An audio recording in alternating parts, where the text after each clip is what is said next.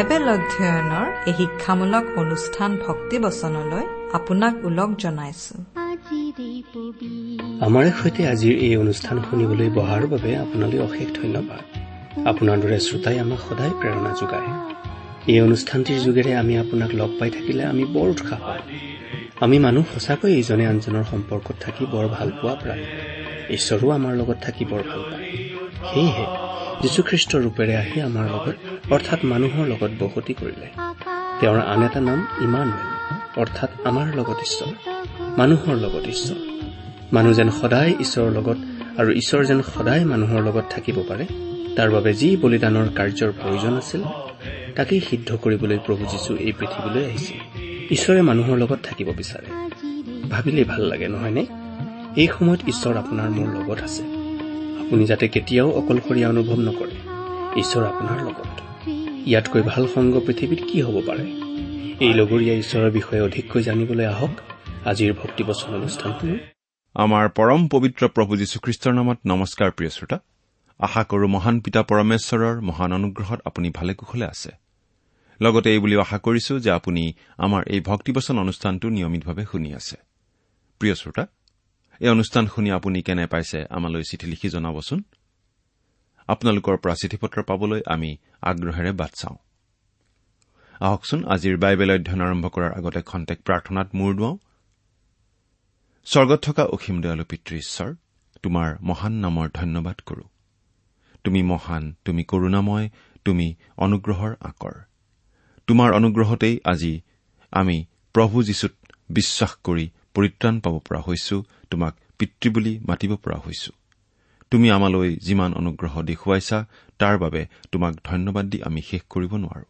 এতিয়া প্ৰাৰ্থনা কৰিছো তোমাৰ মহান বাক্য বাইবেল শাস্ত্ৰৰ যোগেৰে তুমি আমাক কথা কোৱা।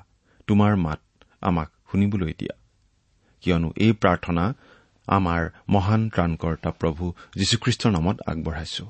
আহমেন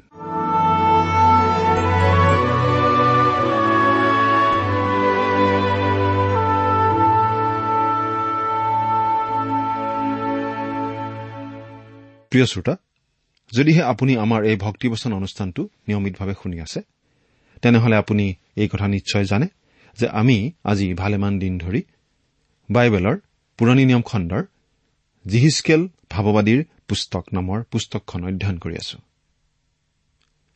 যদিহে আপুনি আমাৰ যোৱা অনুষ্ঠানটো শুনিছিল তেতিয়াহ'লে আপুনি এই কথাও জানে যে যোৱা অনুষ্ঠানত আমি এই জিহিচকেল ভাওবাদীৰ পুস্তকৰ বিশ নম্বৰ অধ্যায়ৰ শেষলৈকে আমাৰ আলোচনা আগবঢ়াইছিলো। গতিকে আজি আমি এই জিহিচকেল পুস্তকৰ একৈশ নম্বৰ অধ্যায়ৰ পৰা আমাৰ আলোচনা আৰম্ভ কৰিব খুজিছো।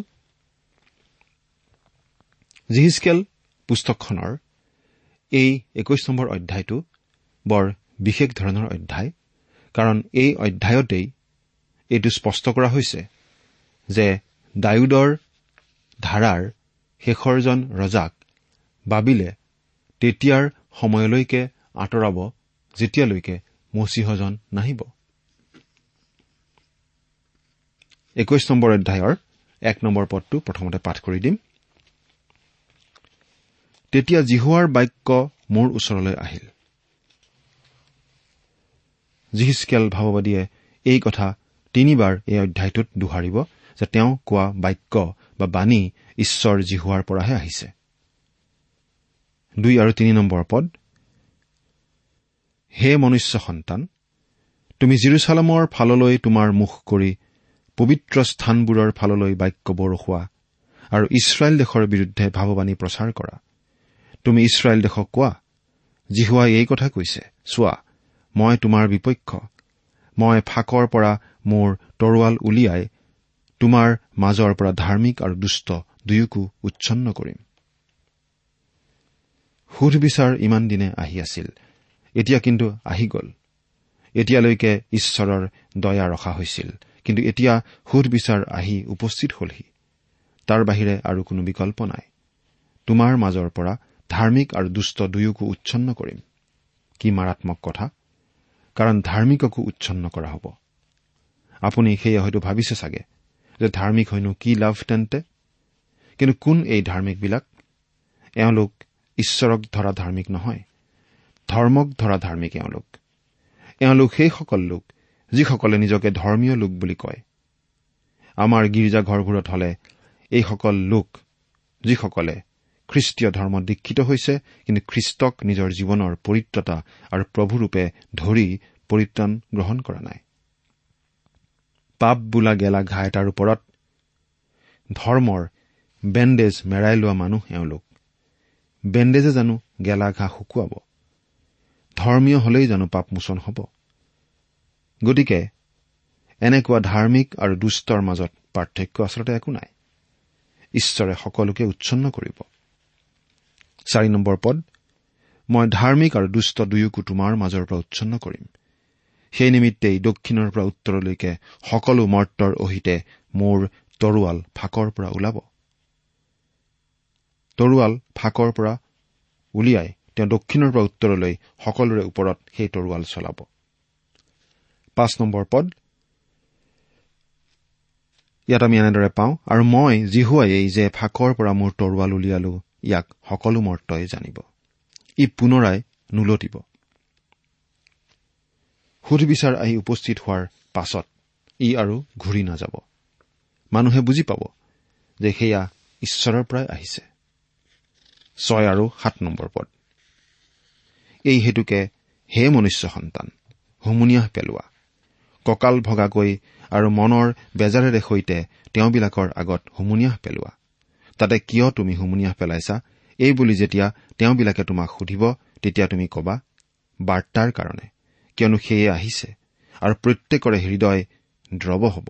আটাইৰে হাত দুৰ্বল হ'ব। প্ৰত্যেকৰ মন নিৰুৎসাহ হ'ব। আৰু সকলোৰে আঁঠু পানীৰ নিচিনা অস্থিৰ হ'ব।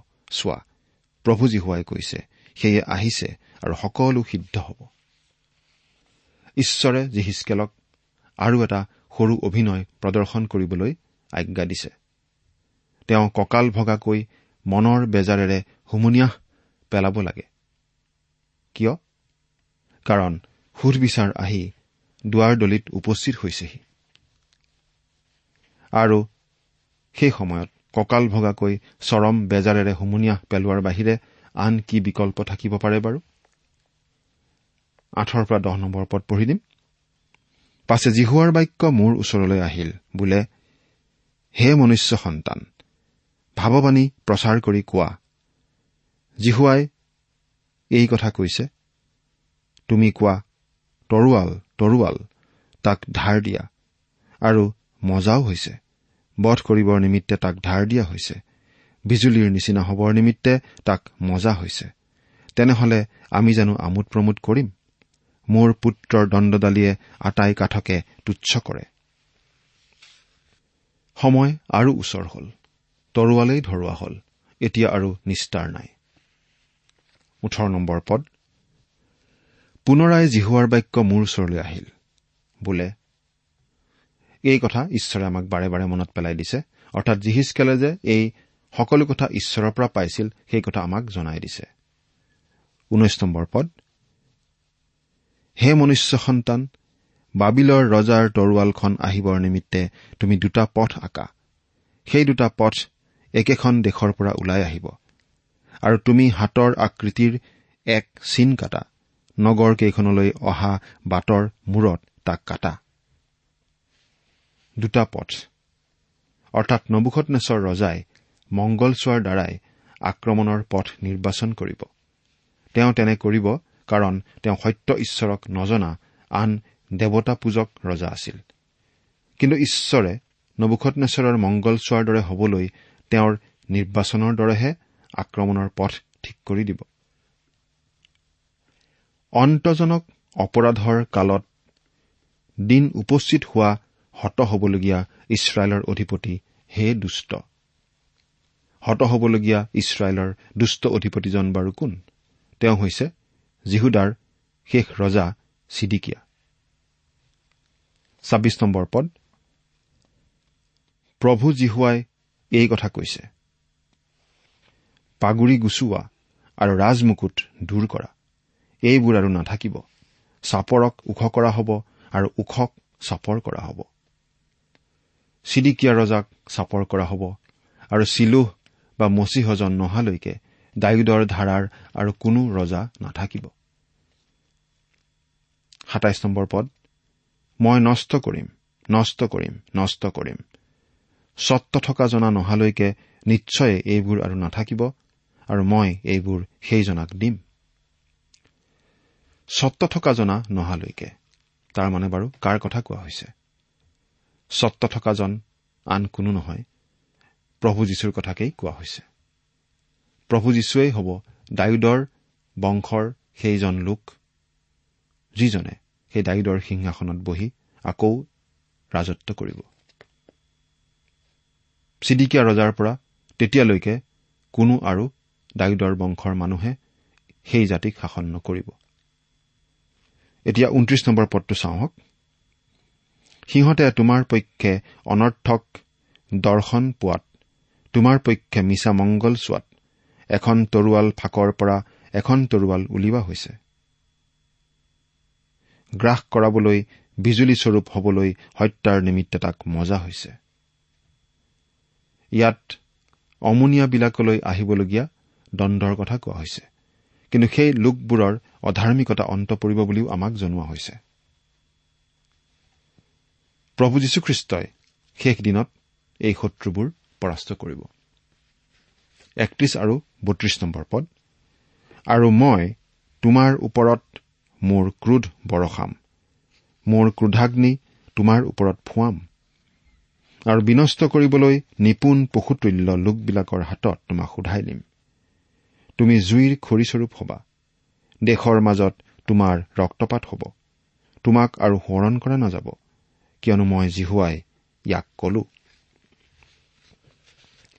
জিহিচকেলৰ প্ৰজন্মৰ লোকবিলাক বন্দী হৈ যাব লাগিব আৰু তেওঁলোকৰ বাবে সেয়েই শেষ আশা আৰু নাই। কিন্তু তেওঁলোকৰ সন্তানবোৰ আকৌ নিজ দেশ ইছৰাইললৈ ঘূৰি আহিব পাৰিব। এতিয়া আমি আলোচনা কৰিবলৈ লোৱা অংশটি যিখিনি কথা পাওঁ সেই অংশটিত জিৰচালেমৰ ঘীনলগীয়া অৱস্থাৰ পুনৰ বিৱৰণ দুগৰাকী ভনীৰ দৃষ্টান্ত আৰু উতলি থকা পাত্ৰৰ দৃষ্টান্ত পাওঁ। এই জিহিচকেল ভাৱবাদীৰ পুস্তকৰ বিছৰ পৰা চৌব্বিছ নম্বৰ অধ্যায়ত আমি ইছৰাইল জাতিৰ ওপৰলৈ আহিবলগীয়া ঈশ্বৰৰ সুধবিচাৰৰ শেষ ভাৱবাদীখিনি পাওঁ। আৰম্ভণিত আমি পাইছিলো জিহিচকেলৰ ভাৱবাণী আছিল শত্ৰুৰ হাতত বন্দী হৈ দেশান্তৰিত হোৱা দল দুটাৰ প্ৰতি। তেওঁবিলাকে ভাবি আছিল যে ঈশ্বৰে জিৰচালেমৰ মন্দিৰটো ধ্বংস নকৰিব কাৰণ সেইটো ঈশ্বৰৰ গৃহ আৰু তাত ঈশ্বৰৰ মহিমা জ্যোতি আছিল। তেওঁবিলাকে বিশ্বাস কৰিছিল যে সেইটোত হাত দিবলৈ নবুখত নেচৰক ঈশ্বৰে কেতিয়াও অনুমতি নিদিব। সেই বন্দী অৱস্থাত থকা লোকবিলাকক এই কথা কৈছিল ভুৱা ভাৱবাদীবিলাকে আৰু তেওঁলোকে তেওঁলোকৰ মন্দ পথ আৰু প্ৰতিমা পূজা ত্যাগ কৰি ঈশ্বৰলৈ উভতি অহাৰ প্ৰয়োজন নাই বুলিয়েই তেওঁলোকৰ কিছুমান বিশ্বাস আছিল। তেওঁলোকৰ বিশ্বাস তেনেদৰেই তেওঁলোকে দৃঢ় কৰিছিল। আজিকালি আমাৰ মাজতো চলি থকা কিছুমান কথা আমি অলপ সাৱধানে চাব লাগে। বহুতো মানুহৰ বিষয়ে আজিকালি প্ৰশংসাৰ কথা কোৱা হয়। আনকি তেওঁলোকৰ মৃত্যুৰ আগতেই লাগিলে তেওঁলোক ঈশ্বৰত ভৰসা নকৰা ঈশ্বৰ নিন্দকেই হওক তেওঁলোকৰ বিষয়ে বহুতো ভাল ভাল কথা কোৱা হয়। কিছুমান প্ৰচাৰকেতো প্ৰশংসাৰ বাক্যেৰে তেনে মানুহক একেবাৰে স্বৰ্গলৈকে লৈ যায়। সেই বিষয়ত ঈশ্বৰৰ মন নাজানিলে আমি কাৰোবাৰ বিষয়ে কি কওঁ সেই বিষয়ে সাৱধান হ'ব লাগে। নহলে ঈশ্বৰত বিশ্বাস নকৰা মানুহে তেনে কোনো প্ৰশংসা পোৱা মানুহৰ জীৱনেৰে নিজৰ জীৱনৰ গুণাগুণ নিৰ্ণয় কৰি সেই মানুহজন অতি কুকৰ্মী আছিল বুলি জানিলেও তেনে মানুহকেই বিশ্বাস কৰিব। আৰু বিশ্বাস কৰিব যে তেওঁৰ বাবে কোনো পৰিত্ৰাতাৰ প্ৰয়োজন নাই। আজি অতি দুখ লগা কথা এইয়ে যে সাধুসকলৰ আগতেই খ্ৰীষ্টৰ শুভবাৰ্তা সঘনাই কৈ থকা হৈছে। কিন্তু পৰিত্ৰাণ নোপোৱা লোক উপস্থিত থকা স্থান বা সময়ত নহয়। প্ৰায়েই প্ৰচাৰকজনে মানুহবোৰ সন্তুষ্ট কৰিবলৈহে তেওঁৰ বাৰ্তাবিলাক দিয়ে। জিহিচকেল ভাৱবাদীৰ দিনৰ সেই ভুৱা ভাৱবাদীবিলাকেও আচলতে তাকেই কৰি আহিছিল। এই শেষ ভাৱবাণী কেইটাত জিহিচকেল ভাৱবাদীয়ে গোটেই কথাবোৰ স্পষ্টভাৱে জনাই দিছে। বিশ নম্বৰ অধ্যায়ত তেওঁ নেগেব অৰ্থাৎ বীৰছেবাৰ ওচৰৰ ইছৰাইলৰ দক্ষিণ অঞ্চলৰ বিষয়ে এটা ভাৱবাণী দিছিল। সেই ভাৱবাণীত ঈশ্বৰে কৈছিল মই তোমাত একুৰা জুই জ্বলাম। সেই অঞ্চল আজিকালিও একেবাৰে গছ গছনি নোহোৱা ঠাই হৈয়েই আছে। সেই ঠাইত আগতে বিশাল অৰণ্য আছিল কিন্তু সেই অঞ্চললৈ ঈশ্বৰৰ অভিশাপ নামি আহিছিল আৰু অভিশাপৰ ফলস্বৰূপেই। সেই অঞ্চল এতিয়াও তেনেদৰে পুৰি যোৱা অঞ্চলৰ নিচিনা হৈ আছে। আকৌ একৈশ নম্বৰ অধ্যায়ত আমি এটা ভাৱবাণী পাইছিলো যে প্ৰভু যীশু নহা পৰ্যন্ত ডায়ুদৰ সিংহাসনত বহিবলৈ কোনো নাথাকিব। মৰিয়মৰ আগত দেখা দিয়া স্বৰ্গদূতে মৰিয়মক সেই কথাই কৈ আছিল তেওঁৰ পিতৃ ডায়ুদৰ সিংহাসন তেওঁক দিয়া হ'ব। গতিকে আনকি বৰদিনৰ সময়তো আমি এই জিহিচকেল ভাৱবাদীৰ পুস্তকখনৰ কথা মনত পেলাবলগীয়া হয়। ভাৱবাণীবোৰৰ বিষয়ে আমাৰ জনা থাকিলে বাকী কথাবোৰ বুজিবলৈ সহজ হয়। এতিয়া আমি বাইশ নম্বৰ অধ্যায়লৈ আগবাঢ়ো। এই বাইশ নম্বৰ অধ্যায়ত ইছৰাইলৰ ঘীনলগীয়া কাৰ্যৰ তালিকা দিয়া হৈছে। আমি এক আৰু দুই নম্বৰ পদ পাঠ কৰি দিম। বাইশ নম্বৰ অধ্যায় এক আৰু দুই নম্বৰ পদ। পাছে জিহুৱাৰ বাক্য মোৰ ওচৰলৈ আহিল। বোলে হে মনুষ্য সন্তান তুমি গোচৰ নচলোৱানে? ৰক্তপাতকাৰিণী নগৰীৰ ওপৰত গোচৰ নচলোৱানে? তেন্তে তাইৰ আটাই ঘীনলগীয়া কাৰ্য তাইক বুজোৱা। জিৰচালেম নগৰখন ৰক্তপাতকাৰী নগৰ। এই কথাকে একেটা কথাকে যিচয়া ভাওবাদীয়েও কৈছে। আমি পঢ়িবলৈ পাওঁ যিচয়া ভাওবাদীৰ পুস্তকৰ এক নম্বৰ অধ্যায়ৰ একৈশ নম্বৰ পদত। প্ৰভু যীশুৱেও জিৰচালেমক ভাৱবাদীসকলক বধ কৰোতা নগৰ বুলি কৈছে। আমি পঢ়িবলৈ পাওঁ লোকে লিখা শুভবাৰ্তা তেৰ নম্বৰ অধ্যায়ৰ চৌত্ৰিশ নম্বৰ পদত। প্ৰভু যীশুখ্ৰীষ্টকো বধ কৰাত জিৰচালেম সম্পূৰ্ণৰূপে জড়িত। পাচনিৰ কৰ্ম সাত নম্বৰ অধ্যায়ৰ বাৱন্ন নম্বৰ পদত আমি এই কথা বিশেষভাৱে পাওঁ। প্ৰভু যীশুখ্ৰীষ্টক ক্ৰুচত তুলিবৰ বেলিকা জনগণই চিঞৰি চিঞৰি পিলাতক জনাইছিল এই বুলি। তাক ক্ৰুচত দিয়ক তাক ক্ৰুচত দিয়ক। তাৰ তেজে আমাক আৰু আমাৰ সন্তানবিলাককো পাওক। এইবুলি আমি পঢ়িবলৈ পাওঁ। মঠিয়া লিখা শুভবাৰ্তা সাতাইছ নম্বৰ অধ্যায়ৰ পঁচিছ নম্বৰ পদত। আৰু এই মানুহজাকৰ প্ৰায় গোটেইখিনি মানুহেই আছিল জিৰচালেম নগৰৰ বাসিন্দা। তদুপৰি ইছৰাইলৰ নেতাসকল জঘন্য পাপবোৰত জড়িত আছিল। প্ৰথমটো হৈছে জিৰচালেমৰ ভাৱবাদীসকলে কৈছিল জিৰচালেম ভালদৰে চলিছে চলি থাকিব।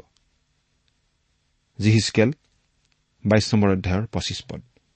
দ্বিতীয়তে সেই পুৰোহিতসকলে ঈশ্বৰৰ বিধি বিধান ভংগ কৰিছিল। বাইশ নম্বৰ অধ্যায়ৰ ছাব্বিছ পদ। তৃতীয়তে জিৰচালেমৰ অধিপতিবিলাক ৰাং কুকুৰৰ নিচিনা আছিল। বাইশ নম্বৰ অধ্যায় সাতাইছ নম্বৰ পদ। এই সকলোবিলাকৰ কাৰণেই জিৰচালেম নগৰখন ৰক্তপাতকাৰী নগৰ আছিল। আমি বাইশ নম্বৰ অধ্যায়ৰ গোটেইখিনি পদ পঢ়ি দিবলৈ সময় নহ'ব। তথাপি আমি যিমান পাৰো পঢ়ি যাম। প্ৰথমতে আমি একেবাৰে তিনি নম্বৰ পদৰ পৰাই পাঠ কৰি যাওঁ। আৰু তুমি কোৱা প্ৰভুজী হোৱাই এই কথা কৈছে। ই এনেকুৱা নগৰী যে নিজৰ সময় আহিবৰ নিমিত্তে নিজৰ মাজত ৰক্তপাত কৰে আৰু নিজকে অসুচী কৰিবলৈ নিজৰ নিমিত্তে মূৰ্তি নিৰ্মাণ কৰে। হে নগৰী তুমি কৰা ৰক্তপাতত তুমি দোষী হলা আৰু তুমি নিৰ্মাণ কৰা তোমাৰ মূৰ্তিবোৰৰ দ্বাৰাই তুমি অসুচী হলা আৰু তুমি তোমাৰ কাল ওচৰ চপাইছা আৰু তোমাৰ আয়ুসৰ শেষলৈ আহিছা। এই হেতুকে মই জাতিবিলাকৰ আগত তোমাক ধিক্কাৰৰ আৰু আটাই দেশৰ আগত বিদ্ৰূপৰ বিষয় কৰিম। হে বদনামী কলহপূৰ্ণা নগৰী তোমাৰ ওচৰত আৰু নিলগত থকা সকলোৱে তোমাক বিদ্ৰূপ কৰিব। চোৱা ইছৰাইলৰ অধ্যক্ষবিলাক নিজ নিজ বাহুবল অনুসাৰে ৰক্তপাত কৰিবলৈ তোমাৰ মাজত আছে। তোমাৰ মাজত পিতৃ মাতৃক হেয়জ্ঞান কৰা হৈছে। তোমাৰ মাজত বিদেশীক অত্যাচাৰ কৰা হৈছে। তোমাৰ মাজত পিতৃহীন আৰু বিধৱাক অন্যায় কৰা হৈছে। তুমি মোৰ পবিত্ৰ বস্তুবোৰ ঘীন কৰিছা আৰু মোৰ বিশ্ৰাম দিনবোৰ অপবিত্ৰ কৰিছা। ৰক্তপাত কৰিবলৈ তোমাৰ মাজত চৰ্চি ফুৰা লোক আছে। তোমাৰ মাজত লোকে পৰ্বতবোৰৰ ওপৰত ভোজন কৰে তোমাৰ মাজত বেভিচাৰ কৰে। তোমাৰ মাজত পিতৃবিলাকৰ উলংগতা প্ৰকাশ কৰে তোমাৰ মাজত ঋতুস্নান হোৱা তিৰোতাক বলাৎকাৰ কৰে। কোনোৱে নিজৰ ওচৰ চুবুৰীয়াৰ তিৰোতাৰে সৈতে ঘীনলগীয়া কাৰ্য কৰে কোনোজনে নিজৰ বোৱাৰীয়েকক কুকৰ্মেৰে অসুচী কৰে আৰু তোমাৰ মাজত আন কোনোৱে নিজৰ ভনীয়েকক বাপেকৰ জীয়েকক বলাৎকাৰ কৰে। ৰক্তপাত কৰিবলৈ লোকে তোমাৰ মাজত ভেটি লয়। তুমি সুত আৰু বাঢ়ি লওঁতা। আৰু তুমি লোভ কৰি অত্যাচাৰৰ দ্বাৰাই তোমাৰ ওচৰ চুবুৰীয়াৰ পৰা লাভ কৰিছা। কিন্তু মোক হলে পাহৰিছা ইয়াক প্ৰভু জীহুৱাই কৈছে। এনেদৰে জিৰচালেমৰ বিষয়ে বিভিন্ন অভিযোগ ঈশ্বৰে জনাই আছে। আমি এতিয়া সোতৰ নম্বৰ পদৰ পৰা পাঠ কৰি যাম। পুনৰ জিহুৱাৰ বাক্য মোৰ ওচৰলৈ আহিল। বোলে হে মনুষ্য সন্তান ইছৰাইল বংশ মোৰ দৃষ্টিত ভাঁজস্বৰূপ হল। তেওঁবিলাক সকলোৱেই মোহিত দিব লগা পিতল বগী তাম লোহা আৰু শীহস্বৰূপ তেওঁবিলাক ৰূপৰ ভাঁজস্বৰূপ।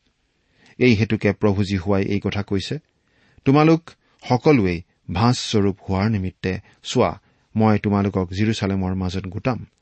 মানুহে ৰূপ পিতল লোহা শিহ আৰু বগীতাম গলাবৰ নিমিত্তে তাৰ ওপৰত জুই ফুৱাবলৈ মুহিৰ মাজত তাক গোটাই দিয়াৰ নিচিনাকৈ মই তোমালোকক মোৰ ক্ৰোধত আৰু কোপত গোটাম আৰু তোমালোকক তাত পেলাই গলাম। এনেকি মই তোমালোকক গোটাই মোৰ ক্ৰোধাগ্নি তোমালোকৰ ওপৰত ফুৱাম তাতে তোমালোক তাৰ মাজত গলি যাবা। মুহিৰ মাজত ৰূপ গলাৰ নিচিনাকৈ তাৰ মাজত তোমালোক গলিবা। তাতে মই জিহুৱাই যে তোমালোকৰ ওপৰত মোৰ ক্ৰোধ বৰষালো তাক তোমালোকে জানিবা। পাছে জিহুৱাৰ বাক্য মোৰ ওচৰলৈ আহিল। বোলে হে মনুষ্য সন্তান তুমি জিহুদাক কোৱা। তুমি হাবি নকটা বা ক্ৰোধৰ দিনা বৰষুণ নিদিয়া দেশ। তাৰ মাজত তাৰ ভাৱবাদীবোৰে চক্ৰান্ত কৰিছে। সিহঁত চিকাৰ ধৰোতে গৰ্জন কৰোতা সিংহৰ নিচিনা। সিহঁতে মনুষ্যক গ্ৰাস কৰে। সিহঁতে ধন সম্পত্তি আৰু বহুমূল্য বস্তু নিয়ে। সিহঁতে তাৰ মাজত তাৰ বিধৱাৰ সংখ্যা বঢ়ালে। তাৰ পুৰোহিতবোৰে মোৰ ব্যৱস্থাৰ বিপৰীতে অত্যাচাৰ কৰে আৰু মোৰ পবিত্ৰ বস্তুবোৰ অপবিত্ৰ কৰে। সিহঁতে পবিত্ৰ আৰু সাধাৰণৰ মাজত প্ৰভেদ নাৰাখে বা সূচী আৰু অসুচীৰ মাজত বিভিন্ন কৰিবলৈ মানুহক নিশিকায়। সিহঁতে মোৰ বিশ্ৰাম দিনবোৰৰ পৰা সিহঁতৰ চকু ঢাকে আৰু মই সিহঁতৰ মাজত অপবিত্ৰীকৃত হলো। এতিয়া জিৰচালামৰ বিষয়ে আন কিছুমান কথা আমি পঢ়িবলৈ পাওঁ। ত্ৰিশ আৰু একত্ৰিশ নম্বৰ পদ চাওঁ। আৰু মই দেশ নষ্ট নকৰিবৰ নিমিত্তে চাৰিওফালে গড় নিৰ্মাণ কৰিব পৰা আৰু দেশৰ অৰ্থে মোৰ আগত গড়ৰ ভঙা বাটত থিয় হ'ব পৰা এনে এজন মানুহ তেওঁবিলাকৰ মাজত বিচাৰিলো কিন্তু মই কাকো নাপালো। এই হেতুকে মই তেওঁবিলাকৰ ওপৰত মোৰ ক্ৰোধ বৰষাম। মোৰ ক্ৰোধাগ্নিৰে তেওঁবিলাকক সংহাৰ কৰিম। প্ৰভুজী হোৱাই কৈছে মই তেওঁবিলাকৰ নিজৰ নিজৰ আচাৰ ব্যৱহাৰৰ ফল তেওঁবিলাকৰ মূৰত ফলিওৱাম দুই ব্যৱধানৰ মাজত থিয় দিবলৈ মানুহ এজন গোটেই দেশখনত বিচাৰি পোৱা নগৈছিল কিন্তু ঈশ্বৰক ধন্যবাদ দিওঁ যে মোৰ পাপ আৰু পবিত্ৰ ঈশ্বৰৰ মাজত থিয় হবলৈ মোৰ পৰিত্ৰাতা প্ৰভু যীশুখ্ৰীষ্টক পোৱা গ'ল। আজি প্ৰভু যীশুখ্ৰীষ্টইহে মোক ধাৰ্মিক ৰূপত দেখে। প্ৰভু যীশুখ্ৰীষ্টত আশ্ৰয় লোৱা অৱস্থাতহে ঈশ্বৰে মোক ধাৰ্মিক ৰূপত দেখে। তেওঁ আজিও মানুহ আৰু ঈশ্বৰৰ মাজত থকা ব্যৱধানৰ মাজত থিয় হয়। ধন্য হওক প্ৰভু যীশুৰ নাম।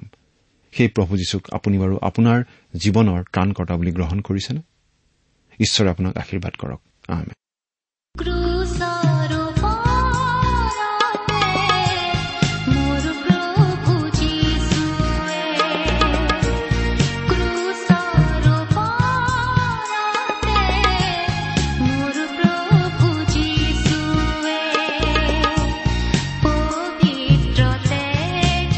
প্ৰিয় শ্ৰোতা ইমান পৰে আপুনি বাইবেল শাস্ত্ৰৰ পৰা ঈশ্বৰৰ বাক্য শুনিলে। এই বিষয়ে আপোনাৰ মতামত জানিবলৈ পালে আমি নথৈ আনন্দিত হ'ম। আমি প্ৰস্তুত কৰা বাইবেল অধ্যয়নৰ চিডিসমূহ পাব বিচাৰিলে আৰু অনুষ্ঠানত প্ৰচাৰ কৰা কোনো কথা বুজিব লগা থাকিলেও আমালৈ লিখক। আমাৰ যোগাযোগৰ ঠিকনা ভক্তিবচন ট্ৰান্সৱৰ্ল্ড ৰেডিঅ' ইণ্ডিয়া ডাক বাকচ নম্বৰ সাত শূন্য গুৱাহাটী সাত আঠ এক শূন্য শূন্য এক। ঠিকনাটো আকৌ এবাৰ কৈছো ভক্তিবচন ট্ৰান্সৱৰ্ল্ড ৰেডিঅ' ইণ্ডিয়া ডাক বাকচ নম্বৰ সাত শূন্য গুৱাহাটী সাত আঠ এক শূন্য শূন্য এক।